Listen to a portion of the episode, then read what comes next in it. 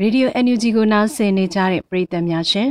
ခုတင်ဆက်ပေးမယ့်အစီအစဉ်ကတော့သတင်းနဲ့အတူလူမှုစကားသံအစီအစဉ်ကိုနားဆင်ကြရမှာပဲဖြစ်ပါတယ်မြန်မာနိုင်ငံအတွက်အသေးစားချင်းငွေလုပ်ငန်းကိုစနစ်တကျဆောင်ရွက်ခဲ့တဲ့ပတ်မြန်မာလိုနိုင်ငံတကာလုပ်ငန်းပြန်လည်ထွက်ခွာသွားတာကနိုင်ငံအတွက်နှမျောစရာကောင်းတယ်လို့ပူးပေါင်းဆောင်ရွက်ခဲ့သူမိဖက်အဖွဲ့အစည်းတွေကပြောဆိုလိုက်ပါတယ်ဒီသတင်းကိုမကြေးမုံကပေးပို့ထားပါတယ်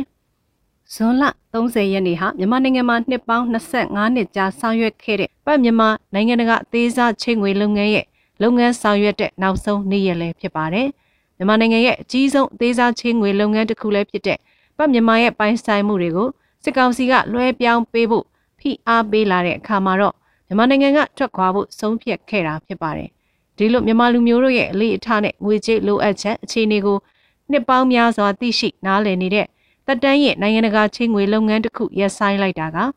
နှမျောစရာကောင်းတယ်လို့ပူပေါင်းဆောင်ရွက်ခဲ့သူမိဖက်အဖွဲ့အစည်းတစ်ခုရဲ့တာဝန်ရှိသူတူကအခုလိုပြောပါတယ်။ဖွံ့ဖြိုးရေးလုပ်ငန်းလုပ်တဲ့ဆိုတော့ကျွန်တော်တို့ကရေရှည်တည်တံ့ခိုင်မြဲရေးလို့ခေါ်တဲ့ sustainability ကိုလေစဉ်းစားကြရတယ်။အဲ့လိုစဉ်းစားတဲ့အခါမှာတောင်သူလက်ထဲမှာငွေရင်းကြီးပြန်နေခဲ့ဖို့ရှိနေခဲ့ဖို့လိုတယ်ပေါ့နော်။တစ်ဖက်မှာလည်းသူတို့ကအဲ့ဒါကိုကင်တွယ်ပြီးတော့စီမံခန့်ခွဲတတ်တဲ့လေ့ထားလည်းရှိနေဖို့လိုတယ်ပေါ့။ဒါကျွန်တော်တို့ရေရှည်တည်တံ့ခိုင်မြဲဖို့အတွက်မှာဆိုအဲ့ဒါတွေစဉ်းစားရတယ် အဲ့လိုစဉ်းစားတဲ့အခါမှာဒီအဖွဲ့အစည်းကအဲ့လိုမျိုးကောင်းကောင်းတို့လေ့ကျင့်ပေးခဲ့ တောင်းတူတွေကိုလေဘုရားပြင်နိုင်ပါမှာဆိုရှမ်းပြည်ပါမှာဆိုရှင်အမျိုးသမီးကောင်းဆောင်တွေတော်တော်ကြီးကိုတက်တက်ကြွကြွနဲ့တကယ်ကိုသူတို့ကသူတို့ကိုအဲ့လိုမျိုးဘန်တစ်ခုလိုမျိုးတီထောင်ပြီးတော့လက်အသွားနိုင်လောက်အောင်သူတို့ကအရေးသွေးရှိနေကြပြီဟိုတောင်းတူလည်းများဘန်ဆိုပြီးတောင်းတူတွေအားလုံးစုပြီးတော့ထူထောင်တဲ့ဘန်တစ်ခုတောင်မပေါ်သေးတာတစ်ခုပဲအဲ့ဒါလည်းတစ်ခုခုတရားလောက်က initiate လုပ်လို့ရှိရင်လည်းအဲ့ကောင်ကလည်းဖြစ်လာနိုင်တဲ့အနေအထားမျိုးမှာရှိနေလောက်အောင်ကိုပဲ PGMF ကလောက်လာပဲပေးခဲ့ပြီးပြီပေါ့နော်အဲ့တော့အဲ့လိုအချိန်မှာရှိနေတဲ့အနေအထားကြီးအကုန်လုံးကြီးကိုဟိုကပြစ်ပြတာဆိုတော့ဒါဒါနှမျိုးကောင်းဖြစ်တာပါပဲ ပတ်မြန်မာရဲ့အသေးစားချင်းငွေဝန်ဆောင်မှုအစီအစဉ်ကမြို့သမီးတွေကိုဦးစားပေးဆောင်ရွက်ခဲ့တာဖြစ်ပါတယ်ဝင်ငွေနှဲပါသူမြို့သမီးတွေအသေးစားတနိုင်တစ်ပိုင်းလုပ်ငန်းတွေလုပ်ကိုင်ပြီးဝင်ငွေတိုးပွားလာဖို့အပြင်အရေးပေါ်ငွေကြေးလိုအပ်လာရင်လည်းပတ်မြန်မာရဲ့ချင်းငွေအစီအစဉ်ကဒေသခံတွေကိုအကူအညီပေးနိုင်ခဲ့တယ်လို့ရှမ်းပြည်နယ်ရဲဆောက်ဒေသမှမြို့သမီးတဦးကအခုလိုပြောပါတယ်စီးပွားရေးပုံမှန်နဲ့ပတ်နေတဲ့လူတွေအတွက်တော့မသိတာပဲမဲ့ဟိုလက်ပတ်လို့မလောက်ပဲနဲ့တို့ပဲ ကျူရာယုံတာနဲ့ပတ်ချာစားနေတဲ့လူတွေတက်ကြတော့ချက်တွေကပို့ပြီးတော့ဟိုလှည့်ရနေရမရှိတော့ဘူးဖြစ်သွားမှာပေါ့အေးပေါ်ငွေပေါ့နော်ဆိုလိုတာကွာဘလို့ဘလို့ဘလို့မျိုးလဲဆိုတခါတလေကြားလို့ရှိရင်လေကိုမမျော်လင်းတဲ့ပတ်စံလို့လာရှိတယ်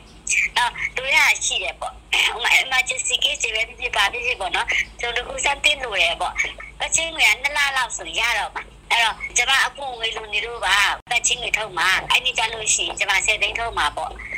အခုလောလောဆယ်ဒီဒီငွေရပေါ့နော်အဲကျမကြီးတမဖြစ်မဖြစ်မနေအရေးတကြီးလိုနေတယ်ငါးသိန်းလောက်လှည့်ပါအောင်ဆိုလို့ရှိရင်လှည့်ပြီးတယ်အဲ့လိုမျိုးလေးလှည့်တာပဲ့တာလေးပေါ့နော်အသက်ရှူလို့ရတာပေါ့ဒေါ်လာငွေကြေးအသေးအတန်လိုအပ်နေတဲ့စစ်ကောင်စီကပို့ကုန်ရငွေတွေကိုလည်း65 35စိတ်ကြိုက်ချိုးနဲ့ကန့်သက်ရယူပြီး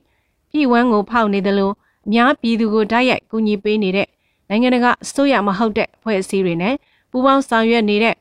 လုပ်ငန်းတွေကိုလည်းအခုလိုပိုင်ဆိုင်မှုတွေလွှဲပြောင်းပေးဖို့အမှုချမ်းစီးလာတာပဲဖြစ်ပါတယ်။ဒါကြောင့်မြန်မာပြည်သူ9သိန်းနီးပါးစီကရစရာကြမ်းရှိနေတဲ့ချင်းငွေအမေရိကန်ဒေါ်လာ